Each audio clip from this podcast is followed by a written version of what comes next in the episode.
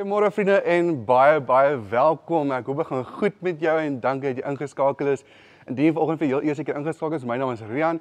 Dit is my groot voorreg om jou vanoggend met die woord te kan bedien. Nou vriende, ek wil gou vinnig twee of drie afkondigings net um, met saam met julle deurgaan. Nou, ek wil gou vir jou mooi vra asseblief indien jy nog nie op ons YouTube kanaal gesubscribe het nie, subscribe gerus, druk die like knoppie. Jy help vir ons om die boodskappe verder buite uit te kry en dit met vriende te deel. Vriende, ons kan jou nie op om 'n kerk te nooi nie. Jy kan iemand saam kerk toe nooi, maar jy kan gerus iemand saam met jou in na die YouTube kanaal toe nooi.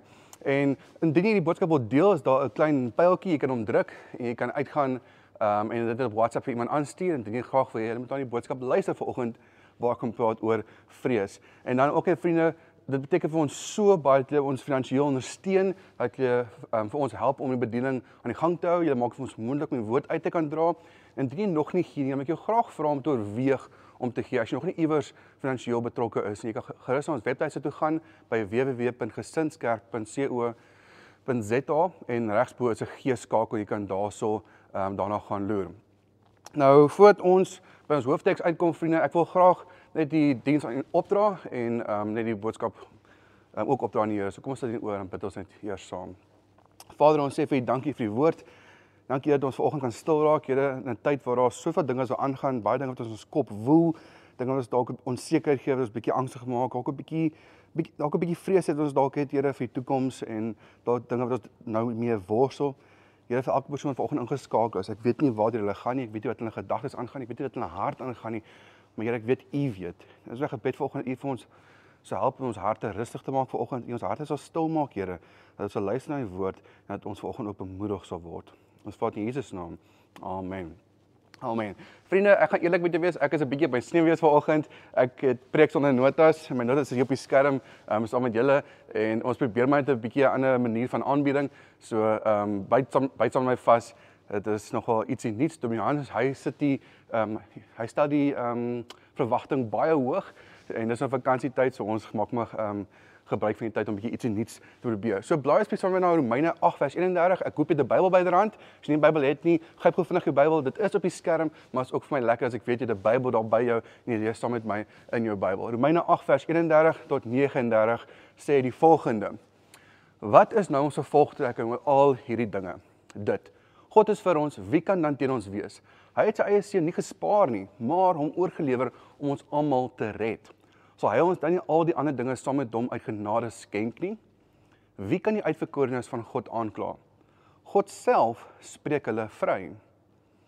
Wie kan ons veroordeel? Christus Jesus het gesterf, maar meer as dit, hy is uit die dood opgewek. Hy sit aan die regterhand van God. Hy pleit vir ons. Wie kan ons van die liefde van Christus skei?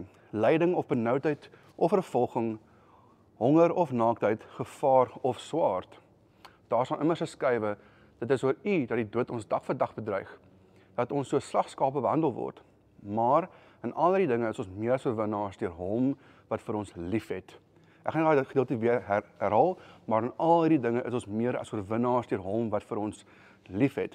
Hiervan is ek oortuig, geen dood of lewe of engele of magte of teenswoordige of toekomstige dinge of kragte of hoogte of diepte of enigiets anders in die skepping kan ons van die liefde van God skei nie. Die liefde wat daar is in Christus Jesus ons Here. Vriende, vanoggend praat ek oor vrees en die Here wil hê jy moet oorwinnaar wees. Die Here sê ons is klaar oorwinnaars en hy sê dat niks in hierdie wêreld kan ons van die liefde van God skei nie. Ek weet nie waar jy self vanoggend dalk bevind nie. Ek weet nie of jy voel jy dalk 'n bietjie ver van die Here is nie. Ek weet nie of enige bekommernis in jou hart is, jy weet of enige vrese is of wat jy dalk het nie of dalk voel jy net dat die Here is nie naby jou nie. Maar vriende, vanoggend wil ek vir jou sê die Here is naby jou. Hy is lief vir jou en as jy in die Here Jesus ken en jy hou vas in die Here Jesus, sal niks in hierdie lewe jou kan skei van God se liefde nie. En dis my dis my behoefte vir oggend dat jy bemoedig sal word deur die woord en dat jy vir oggend een stapie verder sal kom om oorwinning te begin kry vir enige vrees wat jy dalk het in jou lewe. Nou vriende, wanneer ons vrees beleef in ons lewe, gebeur een van twee dinge. Of dit spoor ons aan tot aksie. As ek vrees beleef, dan doen ek iets omdat dit dit, dit stoot my in 'n rigting in. Of dit neem ons gevange. Weet dit jy raak vreesbevange wanneer jy vrees belewe, dit is amper soos 'n bok wat oor die pad hardloop, weet as jy die kar sien dan skrik hy, met 'n keer staan en stil. en beweeg nie. En net soos ons op 'n tydjie wanneer ons vrees beleef in ons lewe, ons is te bang om aksie te neem, ons kan nie besluite neem nie. Ons is ook totaal en al vreesbevange of paniekbevange en dit is nie wat die Here vir ons wil hê nie. Hy wil ons hy wil ons aanspoor tot aksie wanneer ons vrees beleef sodat ons die regte tipe aksie kan neem. Nou vriende, die impak van vrees ons lewens is nogal drasties. Wanneer ek weet nie of jy ooit vrees beleef het nie. Ek het oomblikke van vrees in my lewe al, be, al beleef. En wanneer daai oomblik van vrees beleef of jou lewe in gevaar is of iets regtig gebeur, dit het 'n drastiese invloed op jou lewe. Dit het baie keer los dit 'n bietjie letsels, baie keer maak dit jy seker besluite neem jy sekere dinge doen en hier's drie vinnige areas waar vrees 'n impak het. Dit het 'n impak op ons gemoed. Vrees het 'n impak op ons gemoed, hoe ons voel. Dit het 'n impak op ons besluite. Baie keer neem ons besluite vanuit 'n posisie van vrees. Partykeer kan ons nie besluite neem nie omdat ons so vreesbevange is en dit beïnvloed ons denke, dit beïnvloed hoe ons dink, dit beïnvloed ons perspektief, hoe ons na die lewe kyk daar buite, beïnvloed ons na die mense om ons kyk, hoe ons die dinge daar buite ook interpreteer en ek gaan 'n bietjie meer nou-nou daaroor sê. Johannes 14 vers 27 lees ons: Vrede laat ek vir julle na my my vrede gee ek vir julle. Die vrede wat ek vir julle gee is nie die soort wat die wêreld gee nie. Julle moet nie ontsteld wees nie en julle moet nie bang wees nie. Jesus gee vir ons 'n vrede wat ons wat ons rustig maak. Ons hoef nie bang te wees nie, ons hoef nie ontstel te wees nie. Daar's mense wat lewe op vrees. Daar's mense wat se lewe gedryf word deur vrees. Hulle hulle beleef vrees in sekere areas en dit is die dryfkrag in hulle lewe. Dink ek net as iemand luister na hulle praat, jy kan 'n bietjie met hulle gesels, dink ek kan baie vinnig agterkom of iemand 'n baie angstige of vreesagtige persoon is, weet jy dinge wat hulle praat met hulle mond uitkom, hulle hulle worry altyd oor die ding en daai ding en hierdie artikel en daai ding gesien, daai ding in die wêreld gebeur en as jy altyd goed voel aan op WhatsApp en jy kan agterkom hulle hulle is maar bietjie 'n bang tipe mens. Hulle hulle het vrees wat hulle wat hulle dryf. 'n Ander keer moet jy blyk iemand 'n bietjie beter leer ken, dan kom jy agter maar is tog een of twee vrese. En dan kyk mense wat natuurlik net vreesloos is. En as jy vreesloos is, dan sê ek prys die Here en ek wil jou vra om mense om jou te help dat hulle ook vreesloos kan word. So 'n vraag wat ek wil hê ons moet onsself van afvra en ek gaan nou sê hoekom ek die vraag vra. En dit is wie aanbid jy? As jy ingeskakel is en jy sê as ek kan van Here dan gaan jou antwoord outomaties wees ek aanbid God. In wie of wat plaas jy jou vertroue? Dalk is iemand geskakel wat nie dalk 'n kind van die Here is nie. As jy in 'n tradisionele huis groot geword het, dan sou jou antwoord outomaties wees ek aanbid God of ek aanbid Jesus. Maar wat sou jou antwoord werklik wees as ek kyk na jou lewe? As jy weerspieël jou lewe dit wat jy sê of dit wie jy sê jy aanbid. En ons gaan in die res van die boodskap ons 'n bietjie ehm um, daarna kyk. Daar's 'n artikel wat ek in my navorsing in die week nog 'n bietjie oplees oor vrees. Nou probeer ek 'n bietjie uitvind oor vrese. En ek kom op 'n artikel af van Michael Horton en hy het 'n gemeenskapsradio oorsee en die radiostasie se naam is White Horse Inn. Dit is 'n webtuiste ook en hulle het 'n radio wat in 1990 begin het, 'n gemeenskapsgedrewe radiostasie daar's ongeveer 1500 artikels op hulle webtuiste. En wat hulle doen is, hulle skryf artikels, bemoedigende artikels om mense te leer oor die Here, oor die woord, teologiese beginsels en hulle doel is om mense ehm um, mense te leer in kerke ook, die kerke en mense te leer om hulle te disipel in hulle geloof. En het 'n artikel geskryf oor hoe om vrees te oorkom en ek het die artikel tog 'n groot impak op my gehad en aan die einde van die ehm um, van die preek gaan ek afsluit met 'n groot aanhangs uit wat ek vir julle gaan lees. Maar Michael Horton het die volgende gesê. Hy sê what we're most afraid of losing tells us who or what we worship and where we place our trust. What we're most afraid of losing tells us who or what we worship and where we place our trust. Dit is die dryfkrag in jou lewe. Dit wat jy die meeste voor bang is om te lewe. Dit wat jy die meeste voor vrees is baie keer die dryfkrag in jou lewe. Byvoorbeeld, vrees jy gesondheid, dan jy maar nie, jy's behep om gesond te wees. Elke ding wat jy eet, elke ding wat jy doen, jou oefening, as jy gesondheid vrees, jy's net so bang om siek te word, dan word dit die dryfkrag in jou lewe. Elke ding wat jy doen, doen jy met jou gesondheid in gedagte vrees jy armoede, dan jy dalk 'n ongesonde dryfkrag waar jy nooit weer armoede wil beleef nie. Jy wil so graag sukses behaal, jy wag vir daai volgende uh, verhoging, jy wag vir daai volgende promosie. Jy werk jy werk baie baie hard en sukses is die dryfkrag wanneer jy wil nie armoede beleef nie. Maak jy dalk baie harder werk, jy maak nie tyd vir ander mense of ander dinge of familie nie. Vrees kan ag armoede kan ook 'n dryfkrag wees en dan ook verwerping. Baie keer ervaar ons verwerping of ons vrees verwerping op so 'n manier dat ek nie verhoudings oorweeg ek wil nie 'n verhouding ingaan met iemand nie ek's bang ek seer ek's bang die persoon verwerp my of dit kan maak dat ek in verhoudings bly ongesonde verhoudings bly ter wille van 'n vrees van verwerping ek wil nie 'n persoon met my wegstoot nie en dan sal ek dalk enigiets doen om in daai verhouding te bly net om 'n bietjie aanvaring te ontwikkel Ek wil graag met jong mense vir 'n oomblik net vinnig hier praat. Jong mense, wees versigtig dat jy nie jouself weggee ter wille van aanvaarding of liefde nie. En ek ek praat nou met die mans, jong mans en die jong dames. Oppas vir die vrees van verwerping en van aanvaarding dat jy met 'n met 'n jong man of 'n jong dame jouself op so 'n manier gee dat jy gedeelte van jouself weggee of iets wat vir die huwelik bedoel is vir hulle gee net terwyl dat hulle jou moet lief hê of moet, moet aanvaar. Wees versigtig daarvoor. Dit is nie nodig om dit te doen nie. Maar nog 'n bietjie meer later daaroor. Vriende, ons moet versigtig wees. Die ding wat jy die meeste vrees kan maklik die ding word wat jy die meeste aanbid. Dit is nie in alle gevalle so nie, maar dit dit kan moontlik so wees. Ek weet nie van jou nie, maar ek hou van om te bestuur.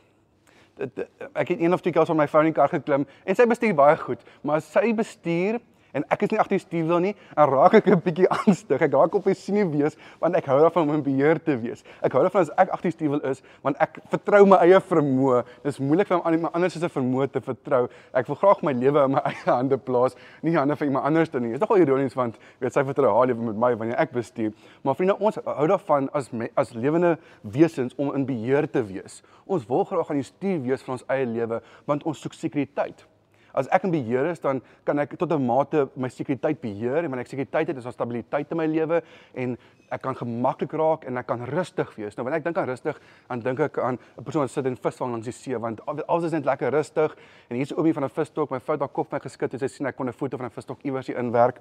Maar ek dink nie die om gaan visvang nie want ek sien sy sy hoek hang bo in die lug. Sy dit moet eintlik in die water wees as hy as hy 'n vis wil vang. Maar nietemin, baie keer hou ons van rustigheid en stabiliteit want ons is in beheer. Maar soos die laaste 2 weke gesien het vriende, kan dinge baie vinnig ook skeefloop. 'n Paar dele van ons land het deur 'n baie moeilike tyd gegaan.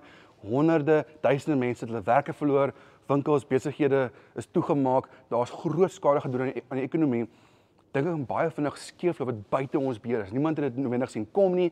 Niemand was eintlik reg gewees daarvoor en almal moes opstaan en help. Party mense het ingespring en gehelp, ander mense het wiele deure toegesluit, kop in die kombers ingetrek, net gehoop en gewag dat dit verbygaan, want hulle was ook vreesbevange gewees en hulle wou nie dalk noodwendig iets aan doen nie of hulle kon dalk iets aan gedoen het nie. Maar net so gou as ons hou van beheer te wees, kan ba dinge baie vinnig uit vanuit ons hande ook gehol word en kan maak ons dalk bang word en dat ons dalk vreesagtig raak.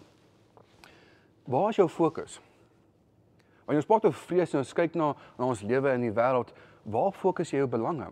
Gewoonlik is ons so gefokus op politieke vrede, weet ons hou die hele tyd die die regeringsdop en dat daai president dit sê of daai president dat doen en ons wil weet ons moet seker ons stem vir regte mense en ons soek politieke vrede, ons soek sosiale vrede in ons lewe en ons soek ons ook vrede in ons eie lewens en ons is so gefokus op ons belange, ons eie belange dat ons graag ons eie stukkie hemel op aarde probeer skep weet jy meer vir jouself sorg, vir gesin sorg, vir familie. Jy wil graag 'n huisie by see om af te tree of huisie dalk in die berge weg van weg van alles en almal. En wanneer dinge kom of dinge gebeur wat hierdie bubble pop of hy kom skud jou bootjie dan beleef jy 'n storm en dit gooi jou heen en weer. Jy's nie reg daarvoor nie. En in sulke tye kan ons nie almal doen nie, maar kan ons vrees of angstigheid belewe. En ek weet nie wat jou boot vanoggend skud nie. Ek weet nie wat se vrees jy vanoggend beleef nie, maar ek bid en, en hoop die Here jou gaan help daarmee. Ek het 'n bietjie gesoek wat die top 10 dinge wat mense vrees.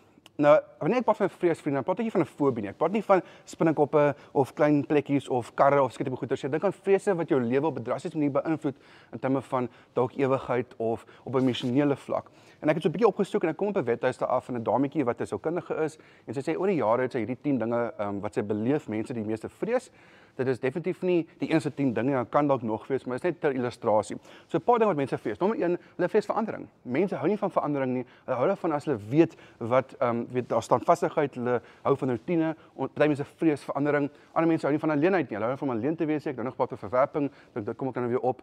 Party mense vrees mislukking. Hulle wil nie hulle wil nie in 'n lewe misluk nie, wil nie verhoudings misluk nie, wat ook al mag wees. En dit weer hou jou terug want maak dit nie nuwe dinge probeer nie, want jy's bang vir mislukking. Ander mense vrees verwerping, soos ek nou nog gesê het, was mense wat onsekerheid vrees en wanneer jy onsekerheid vrees, maak dit ook dat jy nie nuwe dinge doen nie, maak dit nie 'n vol lewe kan lewe nie, want jy is onseker oor die uitkoms en daarvoor raak jy eintlik bang en jy wil nie nuwe gedoen nie, wil nie vorentoe beweeg nie, dit hou jou terug in die lewe. Ander mense vrees iets slegs met hulle sal gebeur. Party mense vrees dat hulle sal seer kry en ander mense vrees weer dat hulle veroordeel sal word, dat mense iets slegs van sal sê, iets slegs van sal dink. As ek hierdie ding doen, wat gaan iemand nou vir my dink of my sê, maar as ek my mond oopmaak en ek moet opstaan vir die verdiening of daai persoon um, by die werk, wat ook al dalk mag wees. En party mense vrees dat hulle net nie goed genoeg is nie.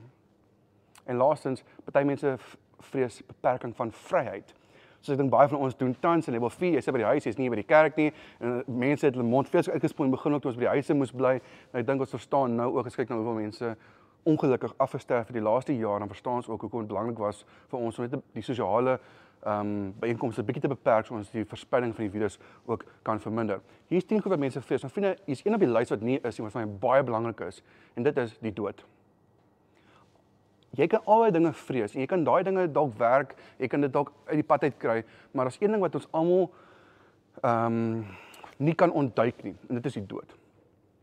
Een of ander manier gaan ons eendag doodgaan, maar baie vrese wat ons het, ons jy, jy mag dalk nie dink jy vrees die dood nie, maar as jy dalk kyk na sekere dinge wat jou bang maak, dan kan wees as gevolg van 'n vrees vir die dood.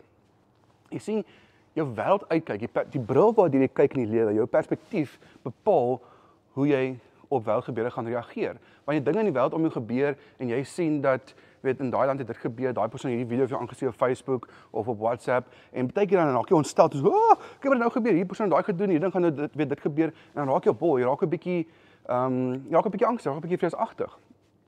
Ek het mense wat baie vir my goeders aanstuur op WhatsApp of gaan sê van Rian jy moenie meer daai ehm um, weet daai program op jou foon gebruik nie want hulle hulle hulle, hulle kan jou volg.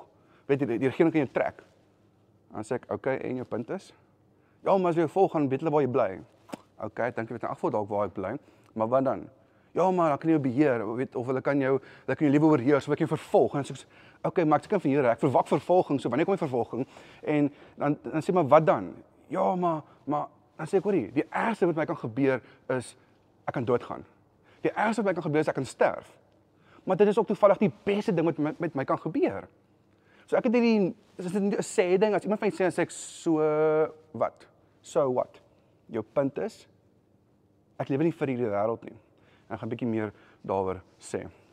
Ja, 1 Johannes 2:17 sê die volgende: In die wêreld met sy verrydelike dinge gaan verby, maar wie die wil van God doen, bly ewig lewe. Jy sien vriende, ek lewe nie vir hierdie wêreld nie, ek lewe vir die koninkryk van die Here. Ek lewe vir daai ewige lewe wat voorlê en dit is waarvoor ek wag. Nou Johannes 18:36 sê, my koninkryk is nie van hierdie wêreld nie. My koninkryk is nie van die wêreld nie, antwoord Jesus. As my koninkryk van hierdie wêreld was, sou my onderdane geveg het sodat ek nie aan die Jode uitgelewer sou word nie. Maar nou is my koninkryk nie van hier nie. Waar is die koninkryk? Filippense 3:20 sê, maar ons is burgers van die hemel van waaraf ons ook die Here Jesus Christus as verlosser verwag. Jy sien vriende, my my die perspektief, die bril wat ek aan het wanneer ek na die lewe kyk, is hierdie is net 'n halfwegstasie waar ek myself bevind. Hier op aarde is net tydelik. Ek lewe nie vir hierdie wêreld nie. Ek is hierso. Ek moet die beste maak van wat ek kan. Ek moet die Here dien ten volle. Ek moet mense by Here Jesus uitkry, maar ek lewe nie vir hierdie wêreld nie. So ek kan eintlik nie omgee oor wat in die wêreld gebeur nie, want my burgerskap is eerste in die hemel. Tweedens is ek 'n Suid-Afrikaner, maar ek is eerste 'n kind van God en daarvoor lewe ek vir die ewige lewe. Ek lewe met 'n ewige ewigheidsperspektief en dit wat om my nou gebeur, dit gaan my nie afskrik van dit wat die Here vir my wil hê nie. Jy sien nou hoe meer geloof en vertroue ek in die Vader het, hoe minder sal ek begin vrees. Johannes 16:33 lees ons: Dit sê ek vir julle sodat julle vrede kan vind in my. In die wêreld sal julle dit moeilik hê, maar hou moed, ek het die wêreld klaar oorwin. Wat sal ons by Jesus kry? Hy gee vir ons vrede. Maar wat maar wat sê hy sê so in die wêreld sal julle dit moeilik hê, nie maklik nie. Hy sê ons gaan dit moeilik kry. Ons gaan moeilik hê, maar terwyl ons deur moeilike dinge gaan, kan ons moed hou want Jesus het die wêreld klaar oorwin. Vir ons Here het die wêreld klaar oorwin en hy wil hê ek en jy moet met 'n oorwinnaars mentaliteit lewe. Ons moet leef soos oorwinnaars in hierdie wêreld waar ons nie vrees nie. Waar ons besef dit gaan moeilik wees. Beteken gaan maklik wees. Beteken dinge wat ons gebeur is lekker nie. Maar ons hoef nie bang te wees daarvoor nie. So, hoe kom ek vrees? Ek plaas my vertroue in die Here. Klink eenvoudig? Hoe kom ek vrees? Ek begin God vrees. Hmm, klink 'n bietjie snaaks. Weet as ek sê ek moet vrees oorkom, nou sê ek ek moet God vrees. Wat beteken dit? Ons ons ons gaan nou ons gaan nou daarna kyk. hoe sterker ek my vertroue, ek gaan 'n paar stellings maak, hoe sterker my vertroue is, hoe minder vrees sal ek begin um, in my lewe ervaar. Vrees vir God, wie hy is, sy karakter, wat hy kan doen, dit lei eventueel na 'n absolute vertroue en liefde en genade in ons verhouding teenoor my en die Vader. So ek wil graag nog 'n hoofteks met julle lees, dan gaan ek vir julle vier wenke gee. Hoofteks is in Lukas 12 vers 4 tot 7. Nou in Lukas 12 vers 4 lees ons: "Aan julle my vriende sê ek, moenie bang wees vir die wat die liggaam doodmaak en daarna niks verder kan doen nie. Ek sou vir julle sê vir wie julle bang moet wees, vir hom wat mag het om na die dood in die hel te werp. Ja, ek sê vir julle, hom moet julle vrees. Word 5 mossies nie vir 2 sent verkoop nie, tog word nie een van hulle deur God vergeet nie.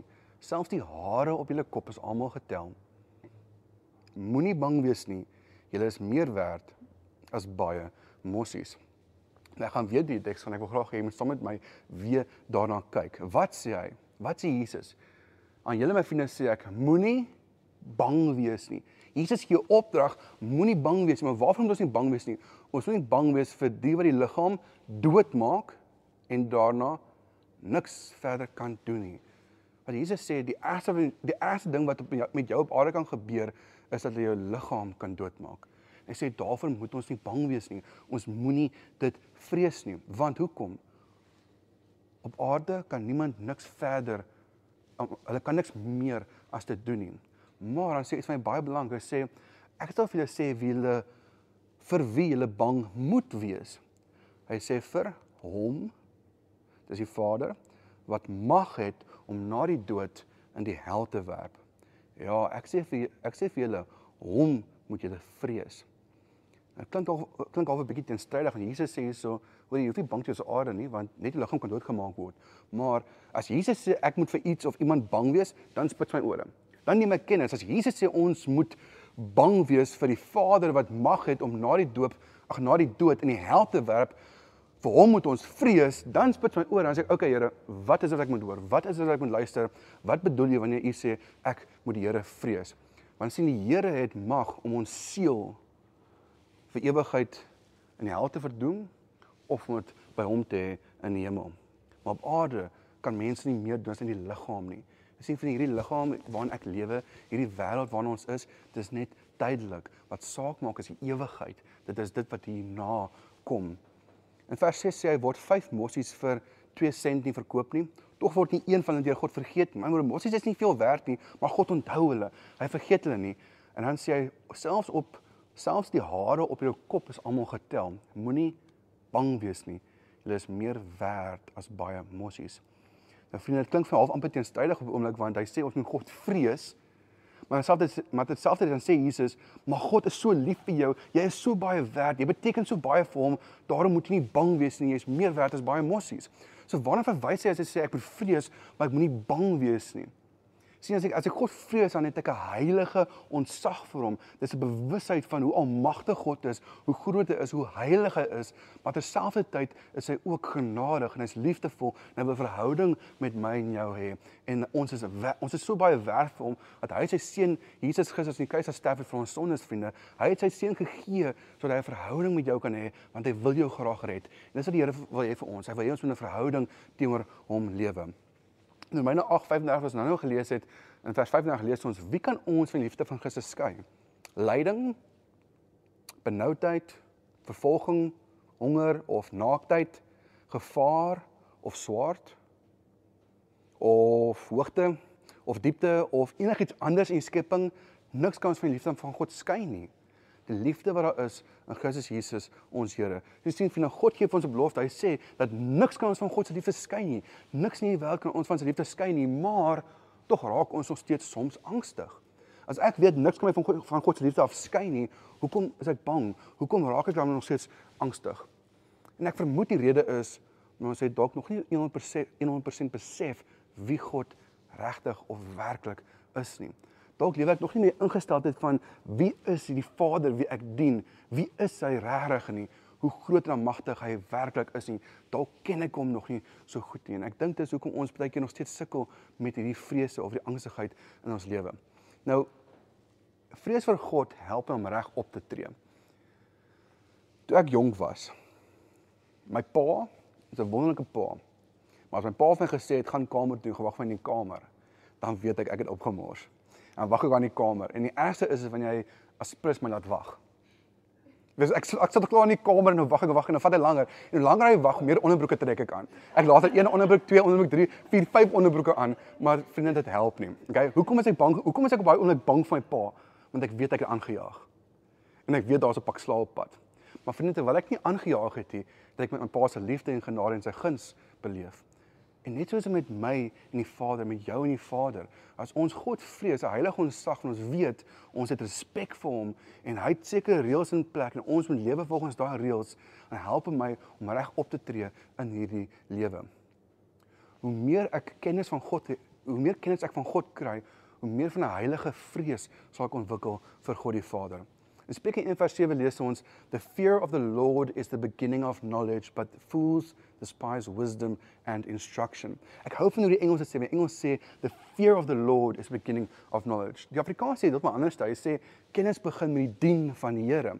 Waar die Engels sê, "Vrees vir die Here," sê Afrikaans dien van die Here. En as ek die twee so saam kan sit dan dan kwint ek net op dat om Here te vrees beteken ek dien die Here. Dis wat Here wil hê. As die Here sê vrees God, dan sê hy dien die Here, want die vrees van God lei dat ons hom dien en so wandel volgens sy voorskrifte en dit wat hy vir ons behaag. So, vier wenke om 'n heilige vrees vir God te ontwikkel. Is jy reg hiervoor? Ek hoop jy is reg hiervoor. Ehm, dit gaan iets soos wat jy dalk nie verwag nie, gaan iets soos wat jy dalk nie verwag nie. Nommer 1, spandeer my tyd in die woord. Mind blown. Vriende, is eenvoudig so dit. Spandeer meer tyd in die woord. Ek het nie ek het nie vir jou 'n vinnige kitswenk nie. Ek het nie vir jou 'n een, een van 'n formule wat jy kan toepas en tada, alles is reg en alles is net weet, daar gaan ek en alles is reg nie. Nee. Dis eenvoudig soos dit spandeer net meer tyd in die woord.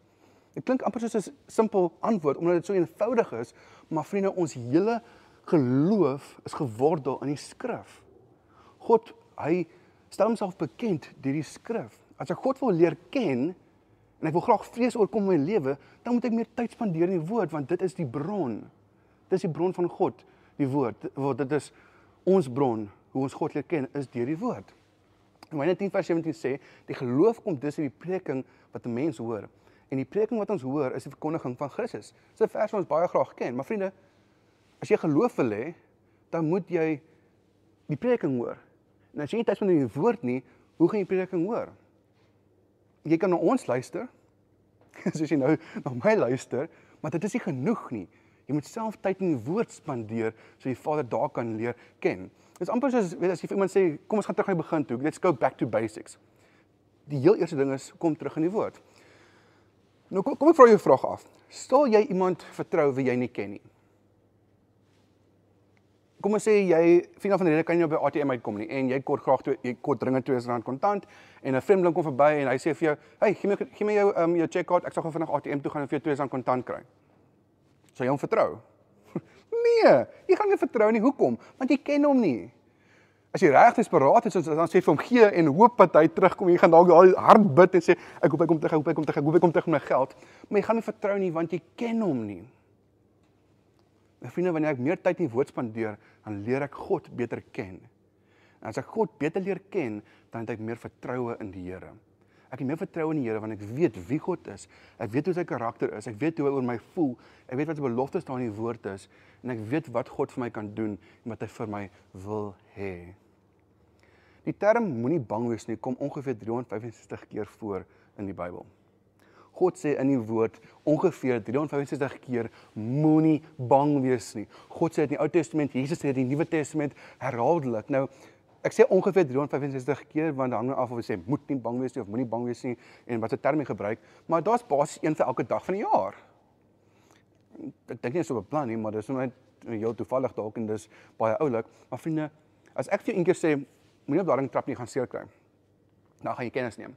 As ek vir jou 3 keer sê moenie op daai ding trap nie, jy gaan seer kry, dan gaan jy regtig kennis mense sê, "Oké, ek ek ek, ek moet nou regtig versigtig wees." As ek vir jou 10 keer sê moenie op daai trap nie, gaan seer kry, gaan jy sê, "Rian, as jy mal, ek het ek het jy eers keer gehoor."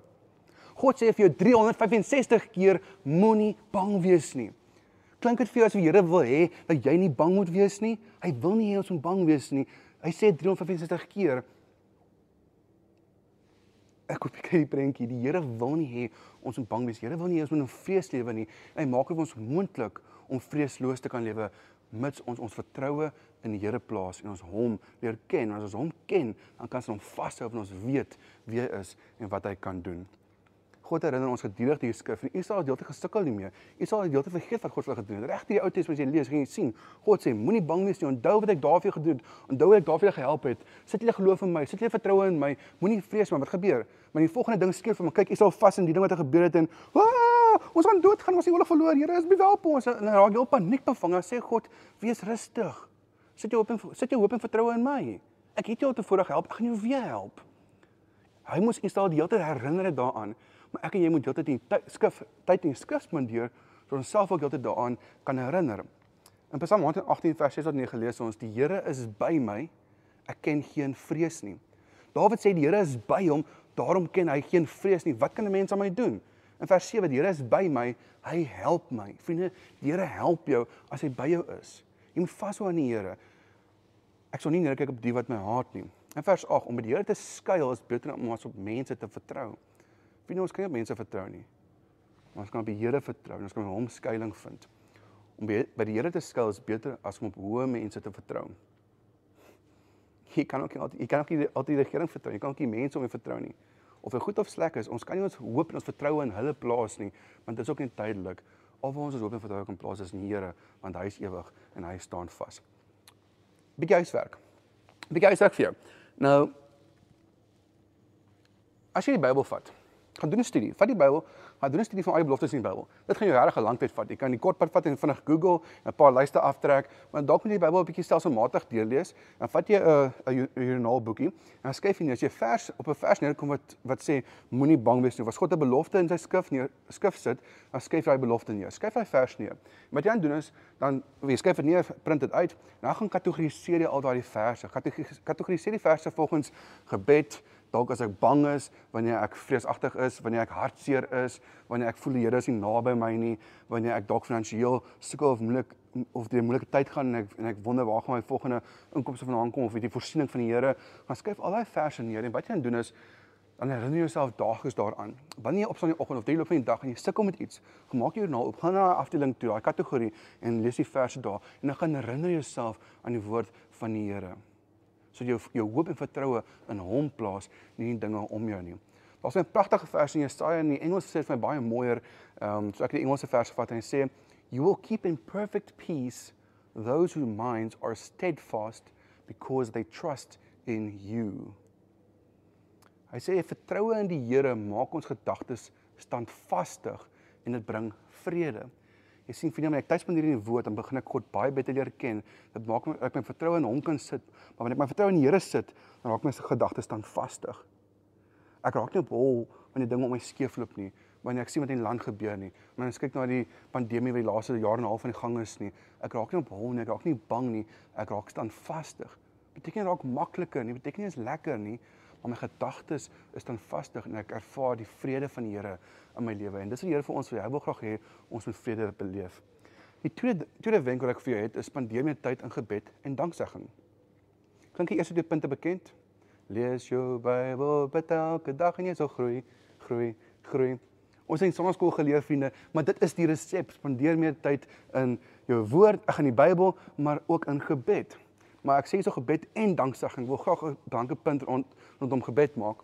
En Filippense 4:6 tot 7 lees ons: Moet oor niks besorg wees nie, maar maak in alles julle julle begeertes deur gebed en smeking en met danksegging aan God bekend.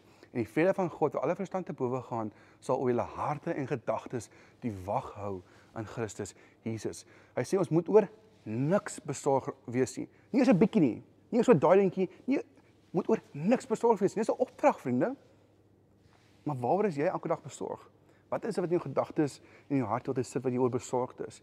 Die Here sê ons moet oor niks besorgd wees nie, maar wat moet ons doen? Maak in alles julle begeertes deur gebed en smeking, nie of nie, gebed en smeking en met danksegging aan God bekend. Hy sê nie jy moet bid nie. Hy sê jy moet bid en smeek en danksegging gebruik. Wat behels dit? Kom ons kyk. Die opdrag is moenie besorgd wees nie. Hoe moet ek nie besorgd wees nie? Ek moet tyd maak deur te bid, te smeek en danksegging. Die een is die wat, die ander is hoe en die ander is dalk die ingesteldheid as ek dit so kan gebruik. So wat ek moet bid. Hoe moet ek bid? Met smeking. Ek moet herhaaldelik bid. Hoe smeek jy jou ma vir 'n koekie? Maak so 'n koekie. Nee, okay. En dan nee, ek kom terug en sê, "Maak so 'n koekie asseblief." Weet jy, jy, jy, jy hou ons smeek, jy so 'n koekie. En as jou ma nie sterk is nie, dan gaan sy uiteindelik ingee en jou dalk 'n koekie gee. Maar die, die smeking aspek daarvan is om herhaal, herhaaldelik die heeltyd te vra. Gebed, vriende, haal ons oë van ons probleme af. Wanneer ek my oë toemaak en ek bid, en ek smeek die Here en ek gebruik danksegging, haal ek my oë af van die van die van die dinge wat ek mee worstel en ek plaas my oë op die Here. Dit maak dat ek my oë afval van die negatiewe dinge. En dis wat danksegging inkom. Nou danksegging in Engels is thanksgiving, expressions of thanks, words of gratefulness. Wanneer ek danksegging gebruik, wanneer ek bid, dan bid ek vir die Here. Ek maak 'n begeertes en behoeftes aan bekend en ek smeek hom, maar ek gebruik danksegging. Want danksegging is om te sê, okay, Here, wat het U vir my gedoen? Waarvoor ek vir U dankie sê? Ek kom volgens die bid uit opstaan as mense wat nie in die bid kan opstaan nie. Ek soek al die positiewe dinge in my lewe om Here voor dankie te sê en hoe meer ek aan daai positiewe dinge soek waarvoor ek Here voor dankie kan sê, dan begin ek vergeet van die dinge wat sleg is, dinge wat negatief is en ek rig my gedagtes aan Here toe en deur vir hom dankie te sê, erken ek dit wat hy vir my al klaar ook gedoen het. In Spreuke 3 vers 5 tot 8 lees ons die volgende: Vertrou volkom op die Here en moenie op jou eie insig te staat maak nie. Ken hom in alles wat jy doen en hy sal jou die regte pad laat loop. Moenie dink jy het die wysheid en pag nie. Dien die Here. Ekskuus tog. En vir my wat sleg is. Dit is die geneesmiddel vir jou, die verkwikking vir jou liggaam. Gou vinnig terug aan die vers, of ietsie wys hierson. Vertrou volkom op die Here, moenie op eie insig te staat maak nie. Okay, so ons vertroue is in die Here. Maar hy sê hierso iets interessant, iets interessant. Hy sê ken hom in alles wat jy doen en hy sou die regte pad laat loop. Nie vra die Here wat moet ek doen en wag eers tot jy nou jy weet ek weet die vierde die hemel kyk wat vir jou sê ek dis wat jy moet doen nie. Hy sê maak 'n keuse, maak 'n besluit. Ken hom in wat jy doen en hy sou die regte pad loop. Hy sê nie ken hom in die regte wat jy doen nie. Maar baie keer kom jy baie keer jy besluit, dalk jy ding met jy mee worstel en vriende, al neem jy die verkeerde besluit as jy daaroor bid en Here vertrou, sal God jou steeds op die regte pad laat loop. God gaan jou baie keer maak ons foute, maar Here is daar om ons op te tel wanneer ons foute maak. Ons moet hom net ken, gaan vir ingesteldheid en al maak ek nie die regte besluit nie, al maak ek nie die perfekte besluit nie, die Here gaan my help om op die regte pad te laat loop. Hy gaan my op die regte eindbestemming uitbring. Hoekom? Want my vertroue is in hom nie my eie vermoë om regte besluite te kan maak nie. Wanneer ek bid, vriende, dan wys ek my afhanklikheid teenoor die Here. Ek erken teenoor die Here dat ek dit nie self kan bereik nie. Ek kan nie self vrees om my lewe oorkom nie. Ek het die Here nodig om een van my redding, van my saligmaking vir my siel, maar ook om deur hierdie wêreld te kom kom, want ek het sy hulp en sy krag nodig om deur vrees te breek, om deur die moeilike tye in my lewe te kom. Die derde ding is spandeer meer tyd in lofprysing en aanbidding. Dis die derde een. Nou die derde een en die tweede een gaan vir my baie saam, want dit is eintlik vir my baie baie een. En so ek gaan nie veel uitbou oor nommer 3, maar ek het graag een illustrasie wat ek vir julle wil wys of hy baie mooi is in 2 Kronieke. In 2 Kronieke 20, jy kan julle hoofstuk by die huis gaan lees, maar koning Josafat kry woord hy, hy word in kennis gestel dat dat daar mense is wat hulle wil in wat die land wil binneval, hulle wil oorlog voer en die mense is bang, hulle is baie sterk, die, die vyand is baie sterk en wat kan Josafat doen? As koning Josafat gaan dadelik op op, op gaan dadelik op en hy begin bid. En hy bid tot die Here en hy sê: "Here, God van ons voorvaders, U is God." Hy begin nie en sê: "O, Here, help ons nie." Hy begin met lofprys en aanbidding. Hy sê: "Here, God van ons voorvaders, U is God. Hy maak jou se naam groot. Hy sê U heers uit die hemel en oor al die koninkryke van die nasies. Uit U hand kom die mag en die krag. Niemand kan teen U stand hou nie. sien wat doen hy hierso? Hy bid, maar hy's eintlik besig om die Here se naam te loof en te prys. Hy's besig om vir God erkenning te gee vir wie God is en wat God by magte is om te doen. Nou jy kan net die verse self lees, maar ek gaan spring na vers 20 toe. In vers 20 het wat gebeur as God in 'n basis deur 'n profeet vir 'n woord gegee en gesê Dis oké, okay, moenie bang wees nie, vertrou is in my. Ek gaan vir jou oorwinning gee oor die oorlog. In vers 20 lees ons waar die woestyn aankom, Josafat hulle is die volgende môre vroeg uit na die Tekoa woestyn toe. En terwyl die manne vertrek, het Josafat daar gestaan en na die manne toegespreek en gesê: "Luister na my, Juda en inwoners van Jerusalem. Stel julle vertroue in die Here julle God en julle sal vas staan. Stel julle vertroue in sy profete en dit sal goed gaan met julle." In vers 21 lees ons wat hulle gedoen het. Josef het het met die volk oorleg gepleeg en toe het hy sangers laat plek neem voor die gewapende manne. Hulle gaan 'n oorlog voer, maar hy sit sangers heel voor die gewapende manne en hulle het vooruitgeloop en in hulle gewyde klere en die Here geloof met die woorde, loof die Here, ons liefde is daar geen einde nie. Vriende, hulle was bang geweest vir die oorlog. Hulle was vreesagtig geweest. Hulle het gebid na die Here toe. Die Here het hulle geantwoord. Hy het gesê, "Ek is by jou. Ek is met met jou. Moenie vrees nie. Moenie bang wees nie. Ek gaan vir jou oorwinning gee." En hulle daag by die oorlog op en in plaas van om te twyfel en die manne voor te sit reg om te beklei, wat sit hulle vertrou in die Here en hulle sit die sangers heel voor en die mense loop voor en is besig om die Here se naam te loof en te prys. Vriende, nou is 'n tyd in my lewe gewees ek ek het baie moeilike tyd gegaan. Ek het nie geweet wat my toekoms gaan gebeur nie. Ek was baie angstig geweest. Ek was reg benoud geweest. Ek onthou eendag waar ek ek lê in my bed, maar ek huil my oë uit want ek is ek, ek is reg angstig. Ek weet nie wat om te doen nie. En dit is my reg 'n baie moeilike ding wat ek mee worstel. En terwyl ek daar lê, het my oë is rooi gehuil en ek is ek is so opgewek. En ek ek weet nie hoe of wat of waar nie, maar terwyl ek daar sit en, en ek begin net staar en ek begin net um our God is an awesome God he reigns en begin daai liedjie sing. Vriende, ek kan my stem bewe, ek kan skaars die woorde uitkry, maar ek begin net sing. Ek begin daai liedjie sing. Ek sing hom oor en oor en oor en ek begin rustig geraak, begin rustig geraak. En wat ek daar gedoen het was ek het gebid, maar ek het net hier ek het net begin sing en die Here se naam groot gemaak. En dit het my gehelp om deur daai oomblik van angs te breek en my gehelp om net aan te beweeg bietjie vorentoe. En vriende, dis wat dit doen wanneer ons Here se naam loof en prys, dan help dit ons om ons oë af te haal van ons situasie, omstandighede en dinge wat ons vreesbevange maak, help ons om ons vertroue in die Here te plaas. In Handelinge 2:21 lees ons: "So sal dit dan wees, elkeen wat die naam van die Here aanroep, sal gered word." Vriende, dis 'n belofte in die woord van God. As jy die naam van die Here aanroep, sal jy gered word. Hy praat hier van ewige lewe spesifiek, vriende maar ons moet die naam van die Here aanroep. Ons moet bid. Deur die Here te loof en prys, erken ons wie hy is. Ons haal ons oë af van ons probleme en ons plaas ons vertroue in die Here. Die vierde wenk en die laaste een, vriende, hier is my baie belangrik en dit is spandeer al jou tyd en energie op dit wat regtig saak maak. Is daar goed in die wêreld skeefloop? Ja, daar is. Kan jy iets daaraan doen? Nee, jy kan niks daaraan doen nie. So kom worry jy daaroor. Hoekom is jy al verbang? Hoekom is jy vreesagtig? Hoekom is jy bang vir dit wat mense kan doen aan jou liggaam? Hoekom is jy bang vir weet wat ook al conspiracy theories dalk daar buite is of dit nou halwe waarheid is of volle waarheid is, dit maak nie eintlik saak nie. Maar dit kan net my liggaam doodmaak. So terwyl ek op al die dinge fokus, wat doen dit? Haal my oë van die Here af. Haal my oë van af en dit wat werklik saak maak. As ek heeldag sit en kyk na die nuus en ek kyk na Facebook en WhatsApp en ek soek al die sosiale media en al die artikels, wat doen dit? Dit jaag vrees op ons lewe. Dit maak ons angstig, maak ons angstige mense. Dit maak ons bang. Hoekom? Want ek fokus altyd op dit wat negatief is. Is dit wat ek myself regtig mee moet besig hou? Nee. Spandeer al jou tyd en energie op dit wat regtig saak maak. Paulus is in die tronk. Paulus is in die tronk en jy kan die res van die teks lees, my pa daar so oor waar hy worstel oor weet of hy nou die dood graag of eerder graag wil doodgaan of wil sterwe. En hy sê volgens hy sê dit is my vurige verlange en daarna sien ek uit dat ek niks sal doen waar ek myself hoef te skaam nie. Ek wil ook nou, soos nog altyd, met alle vrymoedigheid deur my hele wese Christus verheerlik in lewe en in sterwe. Want om te lewe is vir my Christus, maar om te sterwe is vir my 'n wins. Paulus al gesê hy verlang om huis toe te gaan na die Here toe. Hy verlang om te sterf sodat hy by die Vader kan kom, want dit is waarvoor hy werk, dis waartoe hy op pad is en hy verlang om by die Here te wees. Maar hy sê maar terselfdertyd wil hy ook nog lewe. Hy wil nie lewe bly, want hy wil graag graag vir die Here lewe. Hy wil graag nog dinge doen op aarde. Hy sê in vers 22: As ek in die lewe bly, kan ek voortgaan met vrugbare arbeid.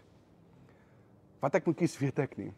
Maar Paulus sê dat terwyl ek nog lewe, wil ek voortgaan met vrugbare arbeid. Hy wil sy tyd spandeer op dit wat regtig saak maak. Waarmee is jy besig?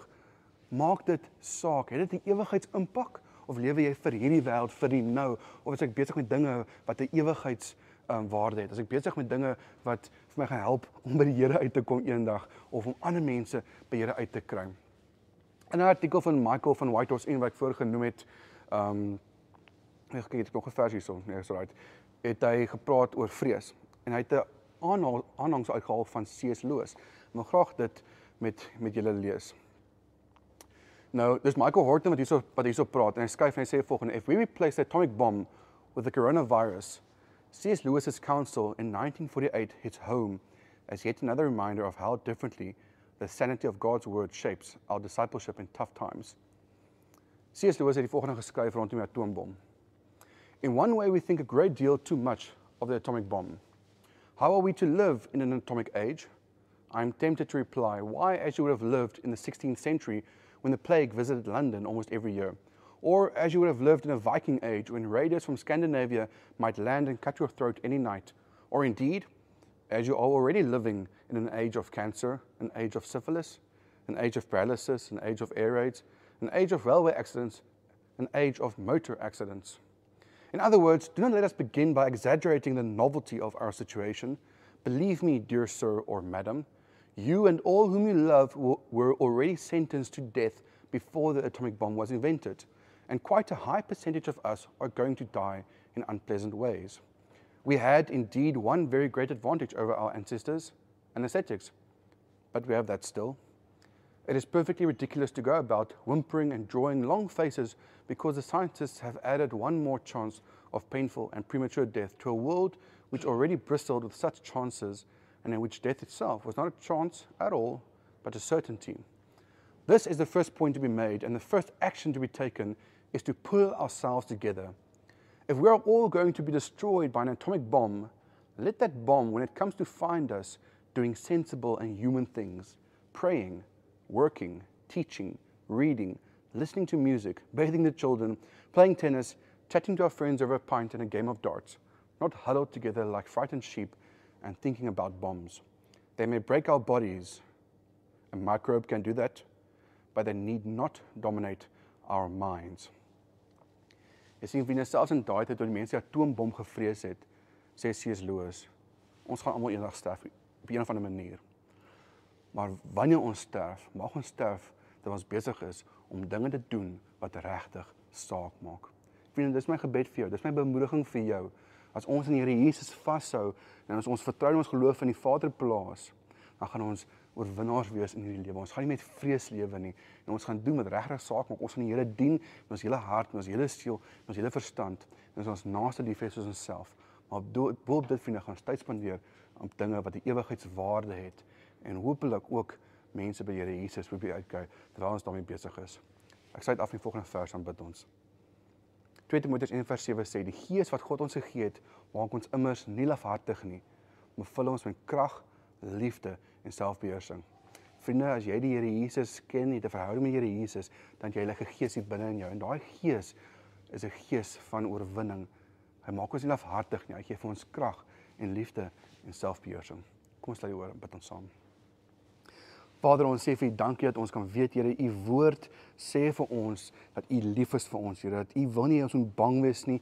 En Here, wanneer ons besef hoe groot en magtig U is, Vader, ons ons en soos ons U leer ken, dan kan ons ons vertroue in ons geloof nog meer in U stel, Here. En Here, is my gebed vir elke persoon wat hierdie boodskap kyk, Here, dat hulle sal moeite maak om U te leer ken. Dat hulle tyd sal spandeer met U, Vader, in gebed, dat U naam sal loof en sal prys net dat hulle ook die die beste sou maak van die tyd wat ons nog hier op aarde het. Want Vader, ons weet nie hoe lank ons nog het om te lewe nie, Vader. Ons weet ons sal almal eendag sterf as U nog nie terugkom nie. Meer tot daai dag kom, help vir ons om U naam te verheerlik, ons U sal dien met ons hele wese, met ons hele lewe. En Here, die van ons wat sukkel met vrees, die van ons wat dinge het wat ons angstig maak, kom maak vir ons rustig, kom help vir ons om oorwinning daardie te kry, Here, deur die woord. En ons nie sal terugstaan nie, met ons 'n vol lewe sal lewe, Here, in hierdie wêreld. Ons sê vir dankie vir liefde en u genade. Amen. Amen. Vriende, ons in laaste lied sing sing saam met Kenneth hulle ehm um, ek is nou weer terug by julle.